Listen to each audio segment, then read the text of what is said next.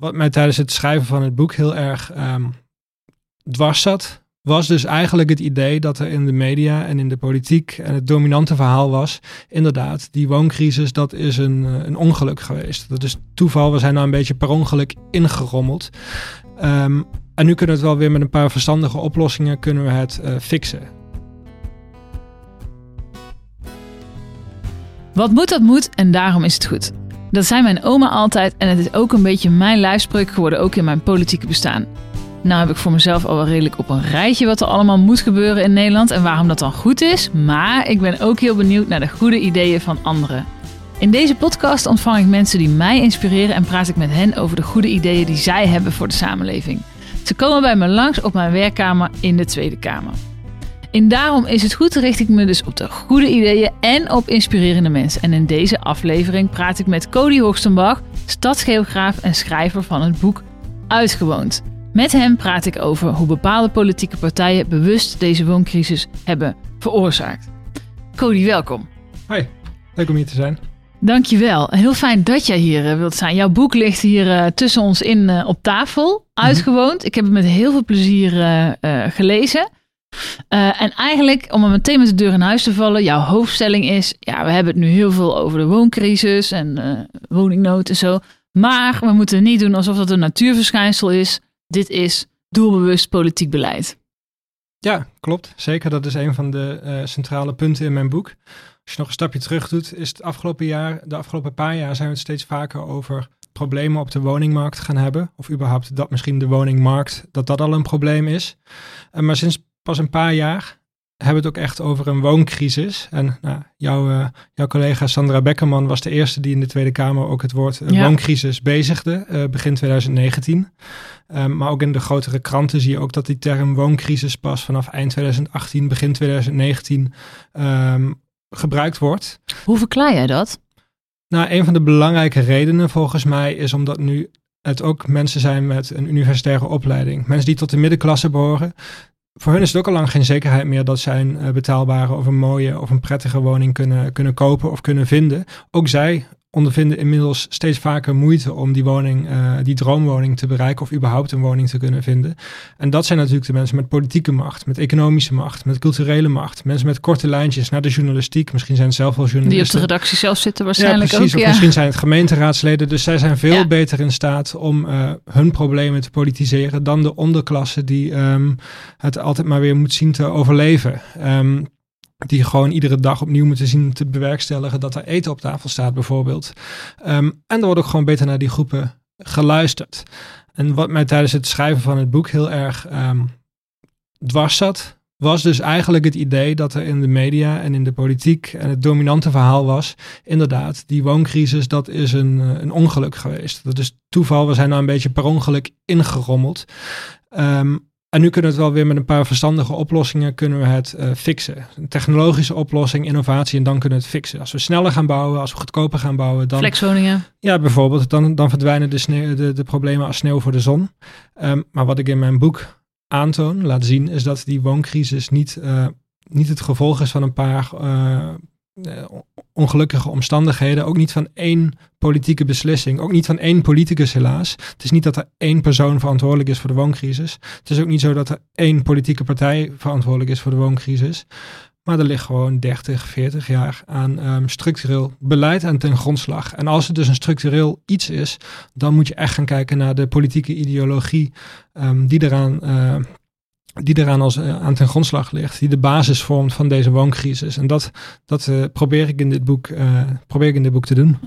Nou, we gaan het er uitgebreid over hebben in deze podcast, wat mij betreft in ieder geval. Um, maar even nog over jouzelf, als jij dat goed mm -hmm. vindt.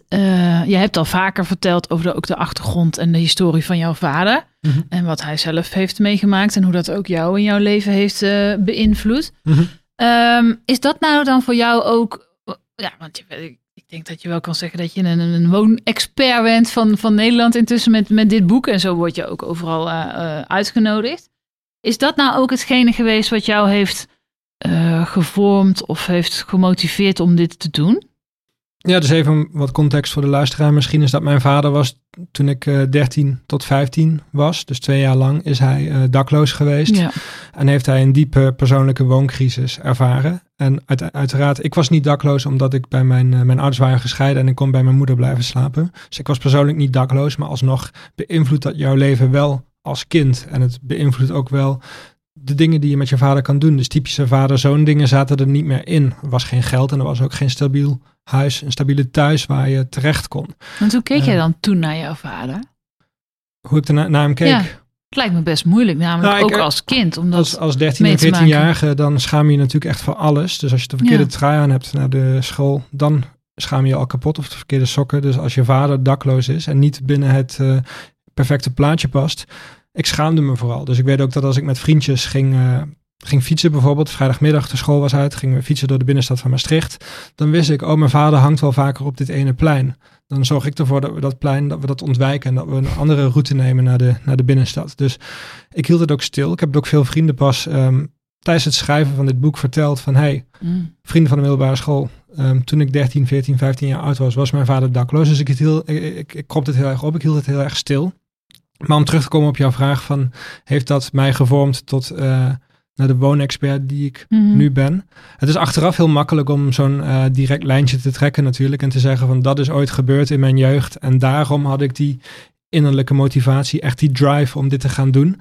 En dat is achteraf heel makkelijk zeggen. Zo heb ik het nooit echt in het moment ervaren. Maar het staat denk ik wel buiten kijf dat die ervaringen, zulke ervaringen, um, wel heel erg vormend zijn voor de dingen die jij um, belangrijk vindt en interessant vindt. En ook het, uh, de, de paden die je voor jezelf uitstippelt. Dus ik ben er wel van overtuigd dat het feit dat mijn vader ooit dakloos is geweest. Mijn moeder is ook, uh, die heeft een bijstandsuitkering, die woont in een tochtige sociale huurwoning. Dus ook haar woonomstandigheden. Zij heeft wel een stabiele woning, maar is geen perfecte woning. Verkocht aan een buitenlandse belegger en alles. Ja. Um, dat zal ongetwijfeld vormend zijn geweest voor de, uh, de onderwerpen die ik nu interessant van, vind. Ik ben ook ooit een sociale studie gaan doen. Ik ben ooit planologie gaan studeren aanvankelijk. Omdat ik aan de ene kant heel erg thema's van sociale rechtvaardigheid belangrijk vond. Ongelijkheid, Ja. um, klassenverschillen. En aan de andere kant wat me aantrok aan planologie is dat er ook een, uh, een koppeling zit van we kunnen het ook verbeteren. Uiteindelijk ben ik meer de wetenschap ingegaan als degene die uh, allereerst een kritische analyse maakt van hetgeen fout gaat of eventueel hetgeen dat goed gaat. Ja. Op de woningmarkt is er meer fout gegaan de afgelopen ja. 30, 40 jaar. Uh, ja, je zei net terecht al even, woningmarkt is misschien uh, op zichzelf al uh, het probleem. Dat we onze huisvesting, onze volkshuisvesting vermarkt hebben, zijn gaan zien als markt. En dat daar natuurlijk een ideologische grondslag onder, onder zit. Kun jij duiden, want uh, het is natuurlijk veel meer dan alleen een woordje. Hè? Dus hier in de Kamer is nu wel van, oh ja, woningmarkt. Nou, dat mogen we niet meer zeggen. We moeten nu zeggen volkshuisvesting. Ja, maar daarmee verandert het natuurlijk niks. Als het alleen maar daarbij blijft. En toch zegt dat woord veel. Kan je uitleggen waarom? Nee, ik gebruik het woord woningmarkt ook omdat we niet echt een goed um, sluitend alternatief hebben voor woningmarkt. Volkshuisvesting impliceert ook weer heel andere dingen. Maar het idee ja. van woningmarkt dat um, daarin zit ook al opgesloten de aanname dat uiteindelijk de, de woning niet alleen een, een, een, thuis is, een plek waar je uh, met je gezin bent of waar je in je eentje bent en waar je je prettig en geborgen en veilig voelt. Dat zou een woning uh, idealiter moeten bieden. Dat is voor heel veel mensen natuurlijk niet het geval. Um, maar dat het uiteindelijk ook handelswaar is. En die twee dingen kunnen tot op zekere hoogte naast elkaar bestaan. Iets kan een handelswaar zijn en nog steeds wel een veilig onderkomen bieden. Uh, maar wat je wel ziet is dat de afgelopen jaren steeds dominanter is geworden het idee dat um, je met, de met je woning, het kopen van een woning vooral, een flinke financiële slag kunt staan als je maar op het juiste moment en op de juiste plek een woning koopt. En op, de juiste, op het juiste moment weer verkoopt, kun je tot een winst maken uh, zonder er echt iets wezenlijks voor te doen. Nou, ook ik heb veel onderzoek gedaan naar beleggers. Op beleggers zie je ook dat die natuurlijk, daar, daar, daar zit heel erg het financiële motief, uh, staat centraal in hun, uh, in, in hun, uh, in hun handelswijze. Mm-hmm. Wat me heel erg aanspreekt aan de term volkshuisvesting. Um, dan moeten we eigenlijk teruggaan naar 1901, toen de woningwet ingevoerd is, de eerste woningwet. En die regelde de kwaliteit van uh, huisvesting. Stelde de gemeente ook in staat om te onteigenen wanneer het uh, verloederde panden waren. En uh, voorzag ook in de oprichting en subsidiëring van woningcorporaties. Of woningbouwverenigingen destijds. En toen werd er gekozen voor de term volkshuisvesting. Niet voor arbeidershuisvesting. Dat was bijvoorbeeld in het Verenigd Koninkrijk was dominant. Omdat het idee was, nee, die woning moet er niet alleen zijn voor de arbeider. Die moet er zijn voor het hele volk voor de arbeider, maar ook voor de middenstand, voor de middenklasse, voor de docenten, de winkeliers, uh, voor een hele brede laag van de bevolking. Mm dat, dat spreekt me heel erg mhm. aan aan de term volkshuisvesting. Dus die aanname dat het is niet voor de allerarmste mensen die niet anders kunnen. Het is een brede voorziening uh, waar heel veel verschillende mensen uh, baat van kunnen hebben en misschien wel moeten hebben. En dat is wat mij betreft cruciaal maar dat is niet meer de realiteit. De realiteit is dat die volkshuisvesting, die sociale huursector, betaalbare huurwoningen in bezit van woningcorporaties, dat die um, afgebroken is. Er zijn heel veel woningen verkocht. Er zijn heel veel woningen letterlijk afgebroken, gesloopt. Ja. En ze zijn geliberaliseerd naar het dure marktsegment. Um, maar ook de toegang van de sociale, tot de sociale huursector is beperkt tot de mensen met de laagste inkomens. En dan zie je dat het steeds meer een, een residu wordt. Echt een, uh, in plaats van een brede voorziening voor een groot deel van de bevolking, wordt het een vangnet voor wie niet anders kan. En dat is heel problematisch wat mij betreft. Ja, zo is daarom vind ik het wel goed dat we het weer hebben over hm. volkshuisvesting als term. Dat het, een paar jaar geleden kreeg ik altijd, als ik bij debatten bijvoorbeeld de term volkshuisvesting bezigde, dat men zei van dat is zo'n oudbollige term. Ja, ouderwets. En nu is het weer helemaal trending, dus dat is goed. Ja, zeker, zeker. Ik, een van de scherpe analyses die jij in je boek ook maakt, is natuurlijk ook überhaupt de positie van huurders ten opzichte van mhm. kopers. Hè? Je zei net al even van ja, dat is gewoon jarenlang natuurlijk ook gestimuleerd. Mhm. En zo is bijna iedereen opgevoed ook, toch? Nou, als je kunt, dan moet je kopen, want kopen is ja, ook goed. Mijn moeder in een sociale huurwoning, die heeft mij ook wel altijd verteld. Uh, jongen, als je later uh, groot bent en een baan hebt, dan moet je gaan kopen. Als je dus je boek leest, dan snap je ook wel waarom. Want jij laat zien dat je als huurder eigenlijk altijd aan het kortste eind trekt. Ja, dus kopen we in Nederland gigantisch gesubsidieerd. Dus de sociale huursector wordt maar in, uh, in zekere mate gesubsidieerd. Maar de echte, uh, de echte subsidie, de grootste subsidies, die zijn jaarlijks richting uh, eigen woningbezitters. Maar dat hebben ze toch knap gedaan, hè? Ik bedoel, het beeld is toch sociale huur. Nou, het klinkt al als oh, sociale huur. Oh, nou, daar zal wel een hoop subsidie op zitten en een mhm. hoop gemeenschapsgeld naartoe gaan. weet ik veel ja, wat. dat is een sterk stukje ja. um, framing Dat hebben ze goed gedaan, hè? Ja, nou ja, de SP een paar, uh, zal het zijn, rond 2010 uh, eh, was um, nog toen, toen Rutte 1 nog uh, gevormd moest worden. -hmm. Toen was de hypotheekrenteaftrek een groot onderwerp tijdens de, uh, tijdens de verkiezingscampagne. En toen had de SP um, als, uh, als, als, frame van dit is de villa-subsidie, die hypotheekrenteaftrek. En dat is wel een goed frame om daar tegenover te zetten. Want ja. inderdaad, nou, nog steeds vandaag de dag, als je kijkt naar 2022, zie je dat hypotheekrenteaftrek ons als samenleving 9 miljard euro per jaar kost. Waarvan de helft ongeveer terechtkomt bij de 20% rijkste mensen. Want hoe duurder je woning, hoe groter je hypotheek, hoe meer ja. er af te trekken valt. Dus het is een gigantische subsidie uh, die richting de rijkste mensen vloeit. Dus je, ik denk dat bijna iedereen, zelfs als je tegen subsidies bent, um, dan nog zul je zeggen van het is meer gerechtvaardigd om subsidies te geven aan mensen die het anders niet kunnen bolwerken dan aan de rijkste mensen. Mm. Het fascineert mij omdat het, uh, nou nu lichten we dan dit aspect eruit, hè? maar op het gebied van wonen kun je natuurlijk talloze uh, maatregelen, politieke keuzes aanwijzen die in de beeldvorming inderdaad, uh, nou ja, doen alsof het heel sociaal is. Sociale huur bijvoorbeeld. Alsof dat ontzettend, terwijl het de afgelopen jaren is afgebroken. Bijvoorbeeld in de beeldvorming is het, oh nou, er gaat waarschijnlijk een hoop gemeenschapsgeld naar die sociale huur. En, en de werkelijkheid is totaal andersom. Ja, er zijn nou, natuurlijk miljarden weggehaald uit de sociale sector de afgelopen, uh, de afgelopen jaren via die verhuurderheffing. Die gaat nu sneuvelen, maar uh, dat heeft, ik weet het precieze bedrag niet, uh, 12, 13 miljard gekost ja. in totaal. Dat ja. zijn gigantische bedragen natuurlijk, waar je heel veel betaalbare woningen van kunt bouwen of de huur ja. kan uh, ja. laag houden.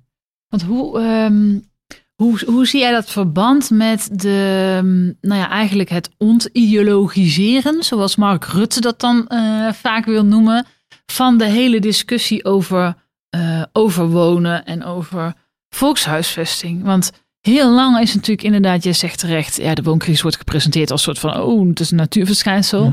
Of hier in de Kamer wordt dan vaak nog gezegd, oh, vervelend, ja, we hebben een stikstofprobleem, dus we mogen niet bouwen. Oh, nou, daardoor zitten we opeens in een wooncrisis. Uh, hoe, hoe zie je dat verband? Want daarin zijn, zeg maar, de, de denk ik, de neoliberalen, maar in ieder geval de partijen die lange tijd verantwoordelijk zijn geweest voor het woonbeleid en de foutenkus, natuurlijk wel in geslaagd. Zeker. Wat ik, wat ik ten eerste belangrijk vind om te benadrukken is dat um, het beeld van Mark Rutte is dat hij uh, geen visie heeft en geen ideologie aanhangt. Dat is ook een, dat is ook een beeld wat hij zelf. Dat, dat wil hij zelf vooral zelf graag. Aanhangt, maar dat is natuurlijk, dat is natuurlijk onzin. Ja. Hij, is wel degelijk, hij heeft wel degelijk een visie en hij heeft wel degelijk ideologie. Um, Alleen wat hij, hij vertegenwoordigt de dominante visie en de dominante ideologie, inderdaad, van wat je het neoliberalisme zou kunnen noemen. En zo gauw iets dominant is, zie je niet meer dat dat ook ideologisch is en dat dat ook allerlei aannames en keuzes aan ten grondslag uh, liggen. En uh, uiteindelijk valt, ook als je het gaat hebben over het thema wonen, maar ook op andere vlakken, is zijn visie volgens mij dat de staat niet afwezig is, maar dat de staat uiteindelijk ten dienst staat van de markt. Dus dat hij de markt moet stimuleren, dat de markt aangejaagd moet worden en in, gestand, in, stand gehouden moet worden door, door de staat. Mijn uh, collega's Marijn Oudenamsen en Bram Mellink hebben daar ook een boek over geschreven. Dat heet Neoliberalisme. Mm En zij definiëren dat ook als het kernaspect van neoliberalisme. Geen afwezige overheid, geen overheid die terugtrekt, maar een overheid die uh, niet meer de markt beperkt en indampt, maar de markt aanjaagt en stimuleert dus die overheid is hartstikke aanwezig en die overheid is hartstikke actief. Dat zie je bijvoorbeeld met allerlei beleidsmaatregelen om woningcorporaties te straffen, om uh, uh, beleggers naar Nederland te lokken. Heel bekend voorbeeld inmiddels is, daar begin ik mijn boek ook mee, is Stef Blok die uh, buitenlandse en ook binnenlandse vastgoedbeurzen afstruint op zoek naar beleggers. Waarin die zegt van kom alsjeblieft Nederlandse sociale huurwoningen opkopen, want je kunt goed rendement halen. En dat is het gevolg van ons beleid, namelijk het terugdringen van de huurbescherming, het mogelijk maken van extra huurverhogingen, um, het beperken van woningcorporaties en handelen, waardoor de markt veel meer ruimte krijgt. En dat heeft hij ook gedaan. Chef Blok heeft tijdelijke huurcontracten ingevoerd, uh, met grote negatieve gevolgen voor het welzijn van huurders. Hij heeft extra huurverhogingen mogelijk gemaakt. Er zijn recordaantallen sociale huurwoningen verkocht onder zijn, uh, onder zijn bewind. En wat maakt het beleid nou zo succesvol? Want heel veel van de beleidsidealen van de VVD zijn inderdaad gewoon ingevoerd. Ze zijn heel succesvol erin geweest. Um, wat volgens mij heel belangrijk is geweest, is aan de ene kant dat ze heel consistent zijn geweest in hun uh, politiek. Dat laat onderzoek ook zien, is dat rechtse partijen de afgelopen decennia ja. consequent hetzelfde verhaal hebben verteld. En steeds er gewoon echt ingeramd hebben. Terwijl linkse partijen veel wijfelachtiger hun verhaal hebben verteld. En soms zijn ze een beetje voor woningbezit. Op andere momenten zijn ze tegen woningbezit en meer voor sociale huur. Dus links is veel zwalkender geweest. En dan vooral uh, de sociaaldemocraten in, uh, in Nederland, maar ook daarbuiten. Ja. Dat is één aspect. Een ander aspect waarom de VVD volgens mij zo succesvol is geweest, omdat ze heel goed hebben gezien wat de, window, de politieke window of opportunity is. Woningcorporaties waren uh, betrokken bij allerlei schandalen. En dat heeft eigenlijk de deur opengezet voor allerlei strafmaatregelen die VVD al veel langer op hun ja. verlanglijstje had zitten. Dus inderdaad, woningcorporaties waren betrokken bij uh, financiële schandalen, bij um, um, Maseratis enzovoorts. Ja. Maar dat is vervolgens aangegrepen door de rechtse politiek, de VVD voorop, als een, uh, als een window of opportunity. Echt als een, gou een, gouden kans om allerlei maatregelen in te voeren die al op de plank lagen. En nu kan het. En dat is echt een beetje de, het idee van de shockdoctrine. Dat die, die idee van oké, okay, er is iets van een extern. Een, externe gebeurtenis, allerlei misstanden. En dit, dat grijpen we ten, uh, ten volle aan om allerlei maatregelen door te nemen. Mm -hmm. Echt het uh, never waste a good crisis eigenlijk. Ja. Terwijl natuurlijk de, de, wat nu woningcorporaties uh, heet, maar wat inderdaad natuurlijk vroeger gewoon de woningbouwverenigingen waren. Uh, wel degelijk het ook een politieke keuze is geweest daarvoor al om te zeggen, nou ja, die gaan we meer op afstand zetten. Daar gaan we minder regels naartoe doen. Die moeten het maar vooral zelf ook rooien, toch? Dat is het hele dereguleren verhaal ook Zeker, geweest. woningcorporaties moesten hun eigen broek gaan ophouden. Juist. En moesten ook uh, risicovolle gedrag daardoor gaan vertonen ja. om geld binnen te halen. Om hun kerntaak mee te kunnen financieren. Namelijk het bouwen van betaalbare woningen en het uh, verhuren van die woningen. Ze moesten winstgevende activiteiten gaan ontplooien. En dat deden ze deels door bijvoorbeeld koopwoningen met winst te bouwen en te verkopen. Maar dat ontwikkelde zich op een gegeven moment tot het speculeren met, uh, hmm. op, op internationale uh, aandelenmarkten. Uh, wat uiteindelijk bijvoorbeeld Vestia als concreet voorbeeld echt miljarden heeft gekost. En daarmee ook de hele sociale sector, de hele sociale huursector miljarden heeft gekost.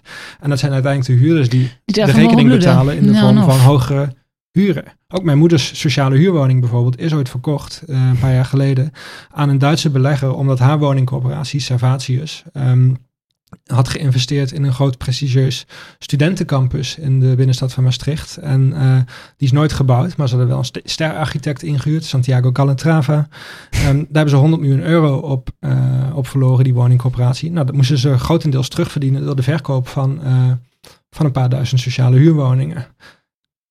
Ja, ongelooflijk. En uh, jouw boek eh, komt natuurlijk ook met oplossingen.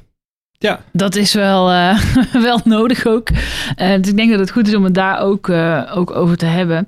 Wat, je zei straks al van het is niet één politieke partij geweest, laat staan één politicus die het probleem heeft veroorzaakt. Mm -hmm. en ik denk, dat zeg je volgens mij ook in je boek, er is ook niet één oplossing nu die de wooncrisis kan oplossen. Zeker, als een politicus beweert van als we dit invoeren en de woningcrisis ja. wordt opgelost, dan is die politicus ja. aan, het, aan het liegen. Um, ja. Of, of onwetend. Er is niet één silver bullet, er is niet één oplossing. Dus ik zou ook. Maar welke richting moeten we op?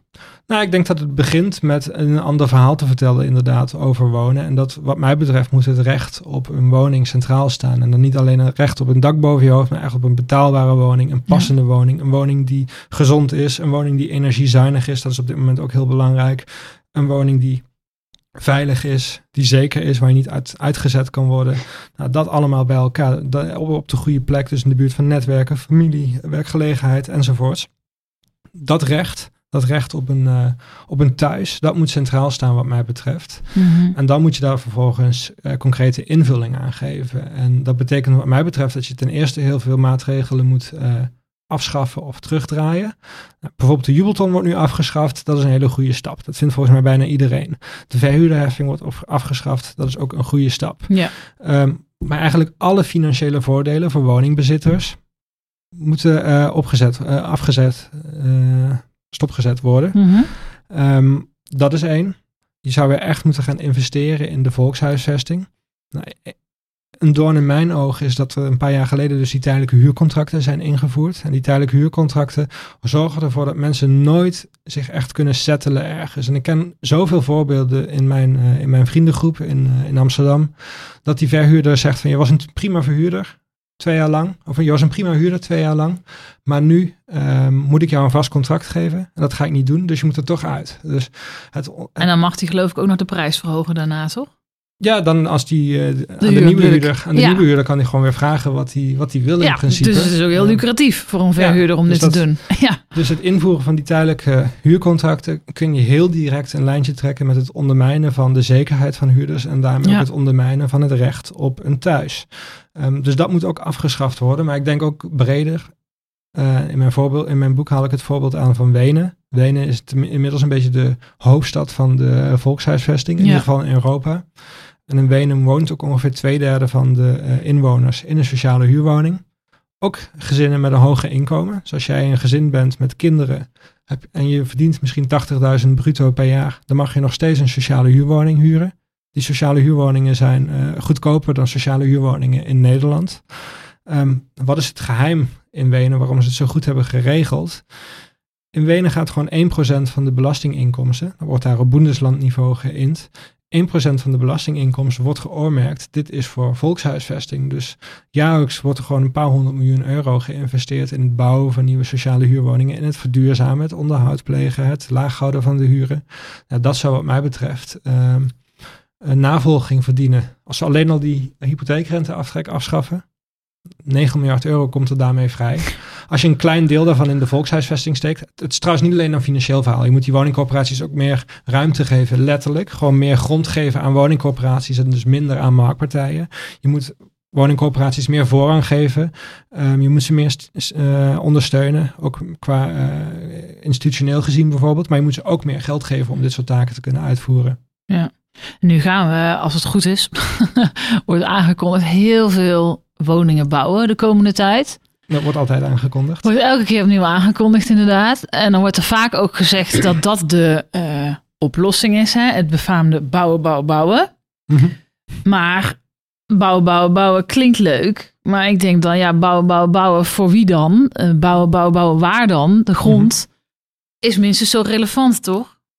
Zeker. Um, kijk, ik vind zeker dat we meer woningen moeten bouwen. En de afgelopen uh, tien jaar eigenlijk de afgelopen 3,5 kabinet Rutte zijn de bouwaantallen historisch laag geweest. Dus er is sinds de, het zijn de laagste bouwaantallen sinds de jaren 50 van de 20ste eeuw. Dus zijn gigant, we, hebben, we hebben jaren gehad in het verleden dat er 100, 150.000 woningen werden gebouwd. Nou, de afgelopen jaren is het een beetje 40 tot 70.000 woningen geweest. Veel en veel te weinig. Dus we moeten zeker meer woningen gaan bouwen. Maar inderdaad, de cruciale vragen zijn wat voor woningen, waar, uh, voor wie en wel in wat voor vorm. Hoe duur? Ja. En dan, uh, dan zijn er een aantal moeilijke keuzes te maken. En ik denk dat je uh, er goed aan doet om zoveel mogelijk binnen of direct naast de steden te bouwen. Zodat je uh, open ruimte ook open houdt, groene ruimte ja. groen houdt. Er is ook gewoon, de, de, de, huizenprijzen zijn het afgelopen jaar, de afgelopen jaren het sterkst gestegen in de steden. De wachtlijsten voor sociale huur zijn ook daar het langst. Dus de vraag van mensen is ook heel erg om stedelijk te wonen.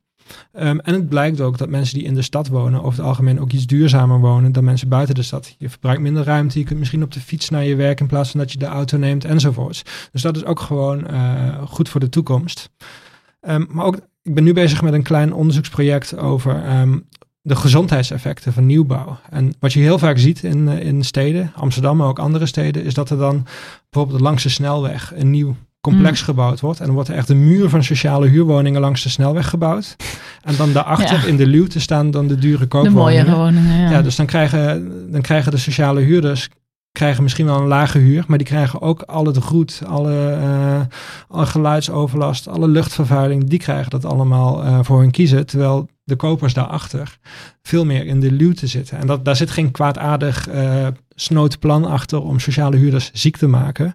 Maar dat zijn gewoon marktrationales. Namelijk de grond direct langs die snelweg. Die is het goedkoopst. Daar komen dan de Juist. sociale huurwoningen. Ja. Um, maar het gevolg is wel dus dat, um, dat de gezondheid van uh, sociale huurders dus vooral beïnvloedt. Nou, daar ben ik op dit moment een onderzoek naar aan het doen. Om te kijken in hoeverre dit inderdaad uh, meetbare effecten heeft. Ja, interessant.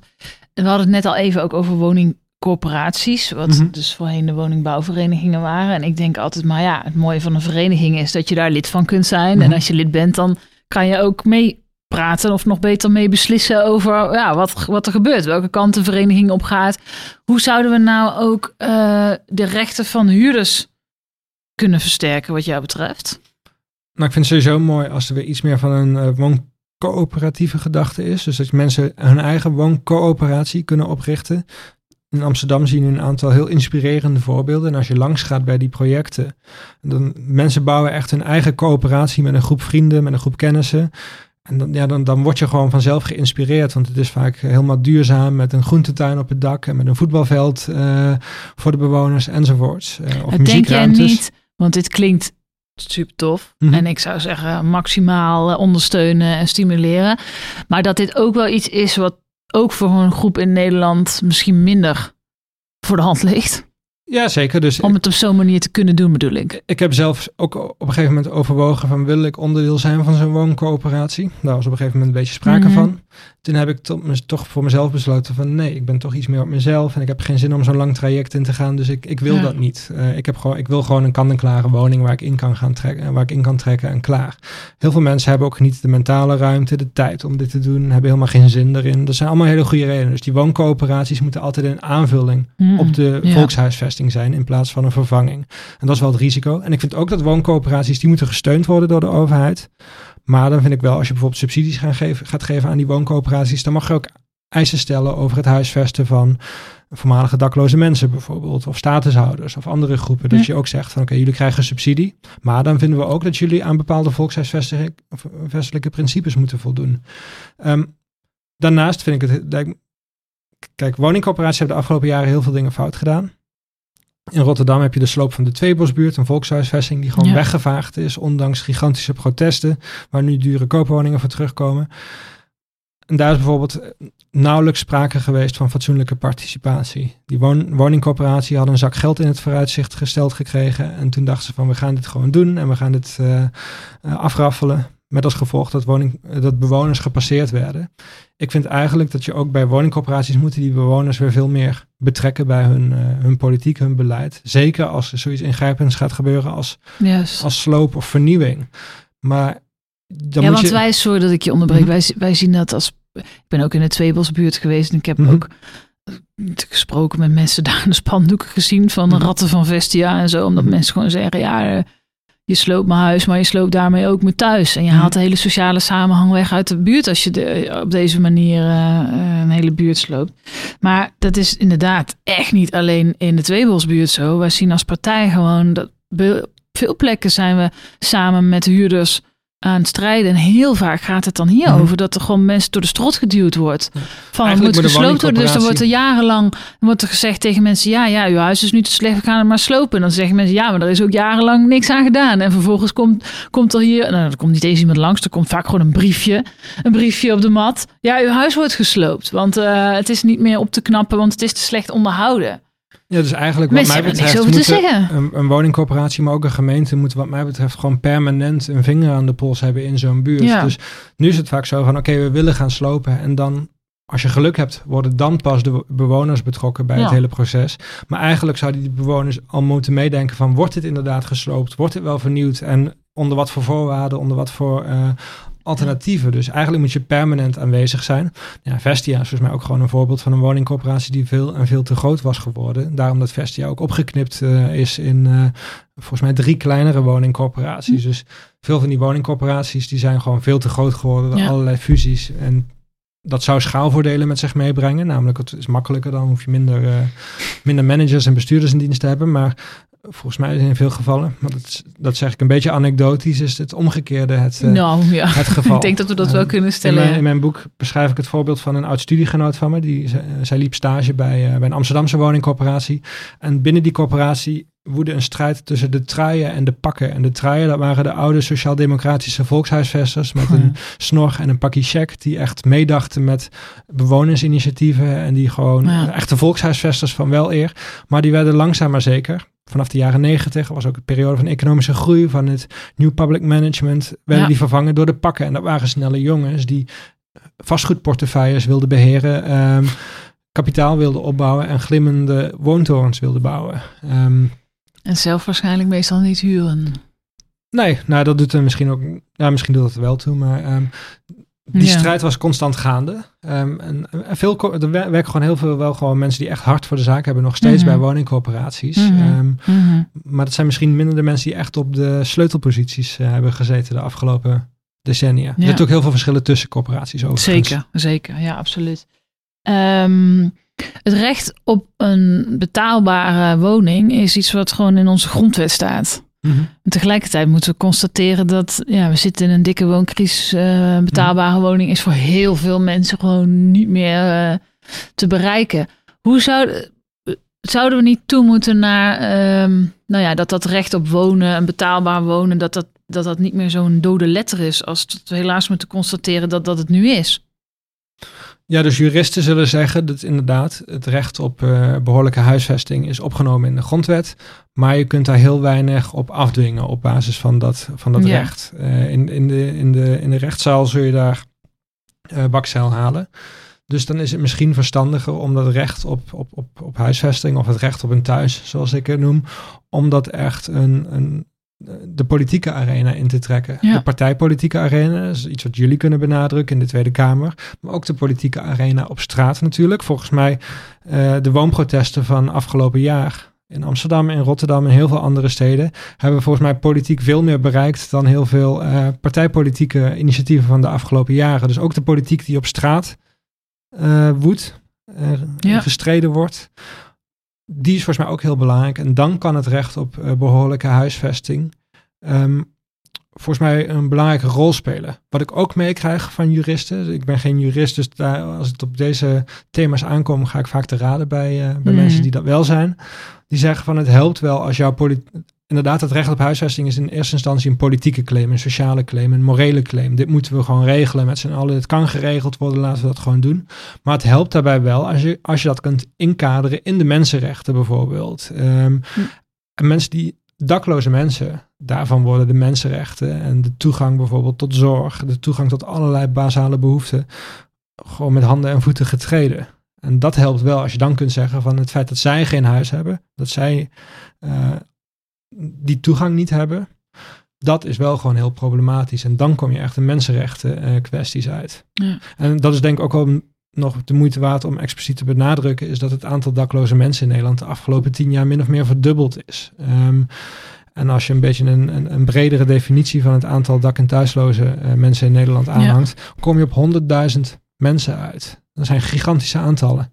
Ja, ongelooflijk. Ja, ik vind dat zelf een van de, misschien wel een van de ergste dingen dat dat zo. Um, ja, ik weet niet, maar ik, ik kan me nog herinneren, en ik ben nog geen veertig, dat op het moment dat je iemand op straat tegenkwam die, die dakloos was, dat, dat je daar echt van schrok, zeg mhm. maar. Dat dat ook iets bijzonders was.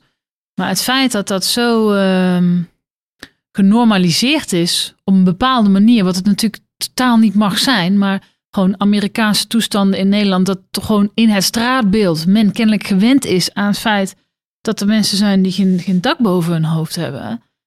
Ik kan me daar zo in. Eh, ja. En dan zijn er nog extreem heel veel dakloze... over boos van worden eigenlijk. En dan zijn er nog heel veel dakloze mensen van wie het ook gewoon niet ziet. Exact. Dus er zijn ook gewoon heel veel mensen waarvan je niet verwacht. Mensen ook nog gewoon met een baan. Ja. Uh, die s'avonds geen plek hebben om naartoe te gaan. De echte Amerikaanse toestanden dan, ja. Ja, ja nou, die nu hier gewoon gemeengoed zijn geworden. Ik wil in Amerika, in de Verenigde Staten, daar is het nog wel een tandje erger. Als je daar door de grote steden loopt, zie je echt die tentenkampen in San Francisco en zo. Dat is gewoon echt onmensonterend. Maar als je hier in, als je in Amsterdam buiten maar dat zie je toch ook toenemen? Zeker de laatste tijd. Het valt, valt, bedoel, het valt mij zelfs op. Het valt mij ook op, ja. Maar het is dus ook, de statistieken laten dus ook die toename gewoon zien. Dus een verdubbeling in, uh, in tien jaar tijd. Ja. En dat is, uh, ja, dat is inderdaad schandelijk. En ik zou willen dat mensen er wat vaker uh, boos over worden. En dan niet boos op die dakloze mensen, maar boos op de politiek verantwoordelijke. Juist, juist, ja.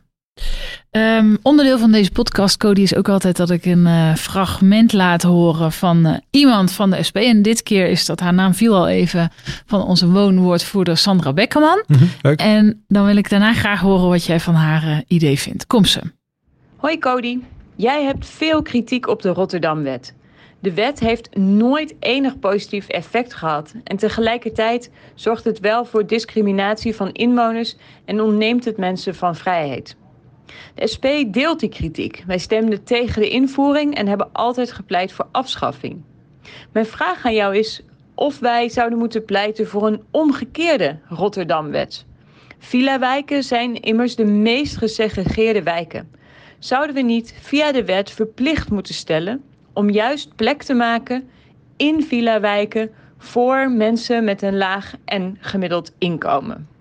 Ik hoor graag wat je hiervan vindt. Groeten, Sandra. Dankjewel, goede vraag. um, die Rotterdamwet sluit mensen uit op basis van achtergrondkenmerken uit bepaalde aangewezen gebieden. Dus hij heet de Wet Bijzondere Maatregelen Grootstedelijke Problematiek. Het is een landelijke wet die inmiddels in tien gemeenten of zo toegepast wordt.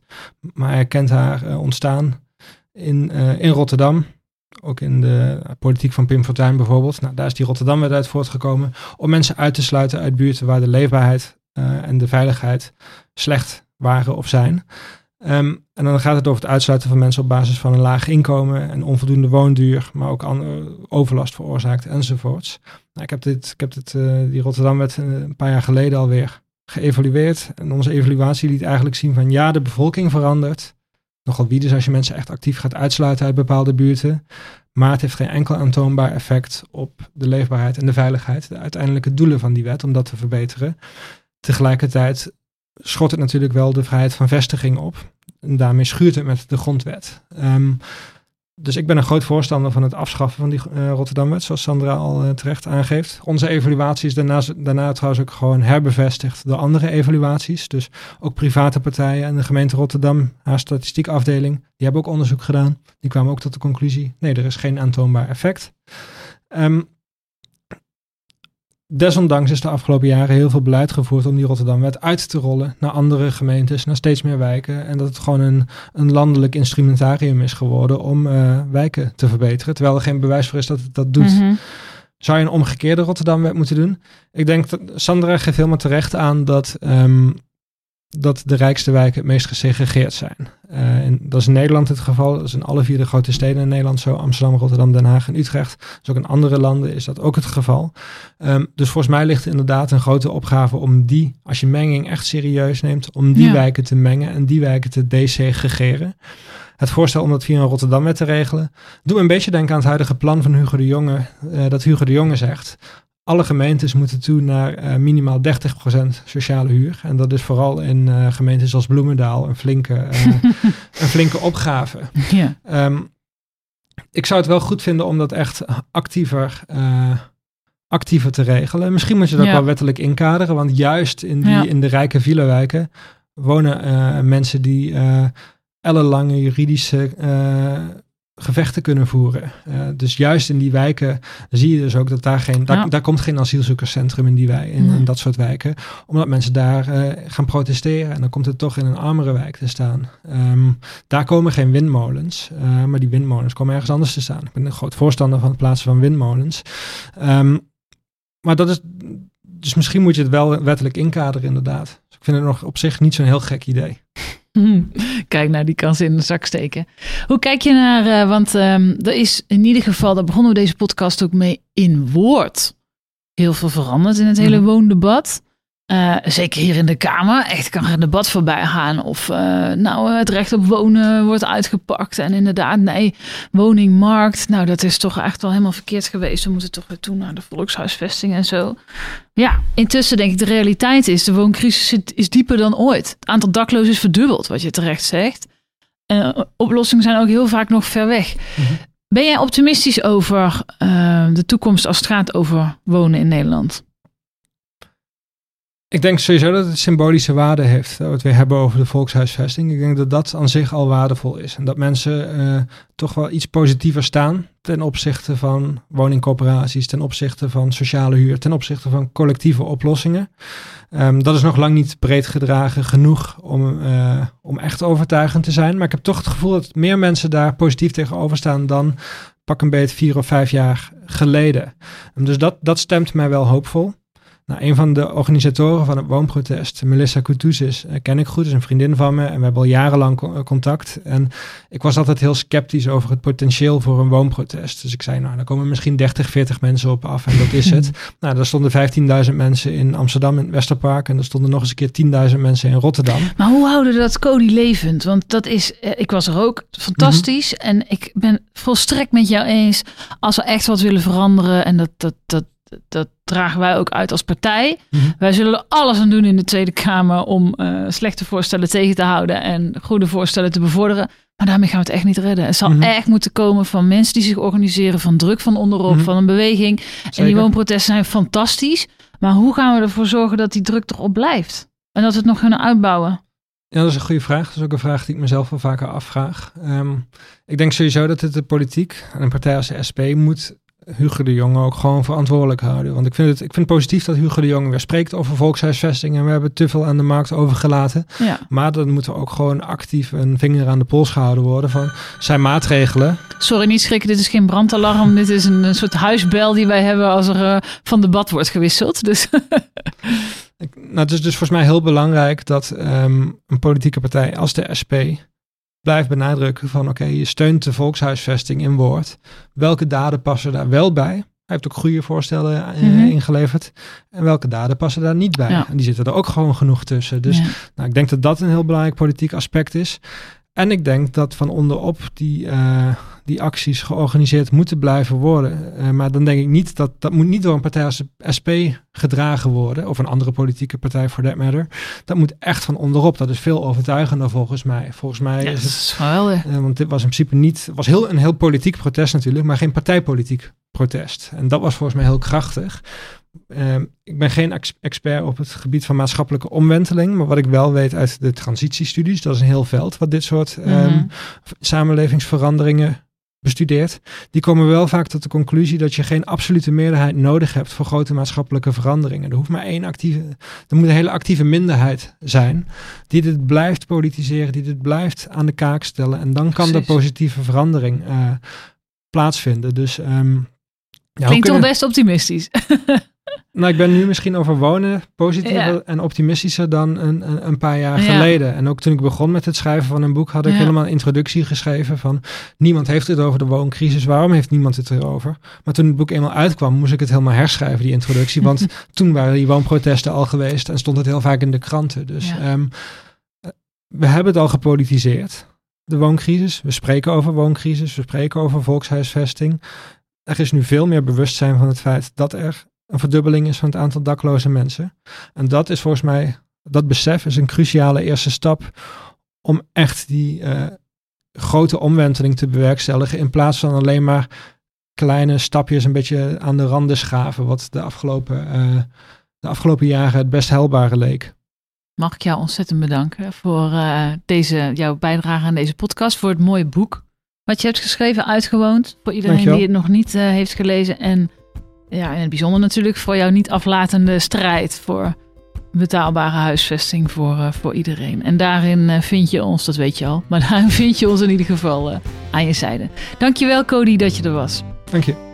Dit was Daarom is het goed, de podcast waarin ik van mensen die mij inspireren hoor welke goede ideeën zij hebben voor de toekomst. Wil je nou niks missen? Abonneer dan via Apple Podcast of via Spotify. Tot de volgende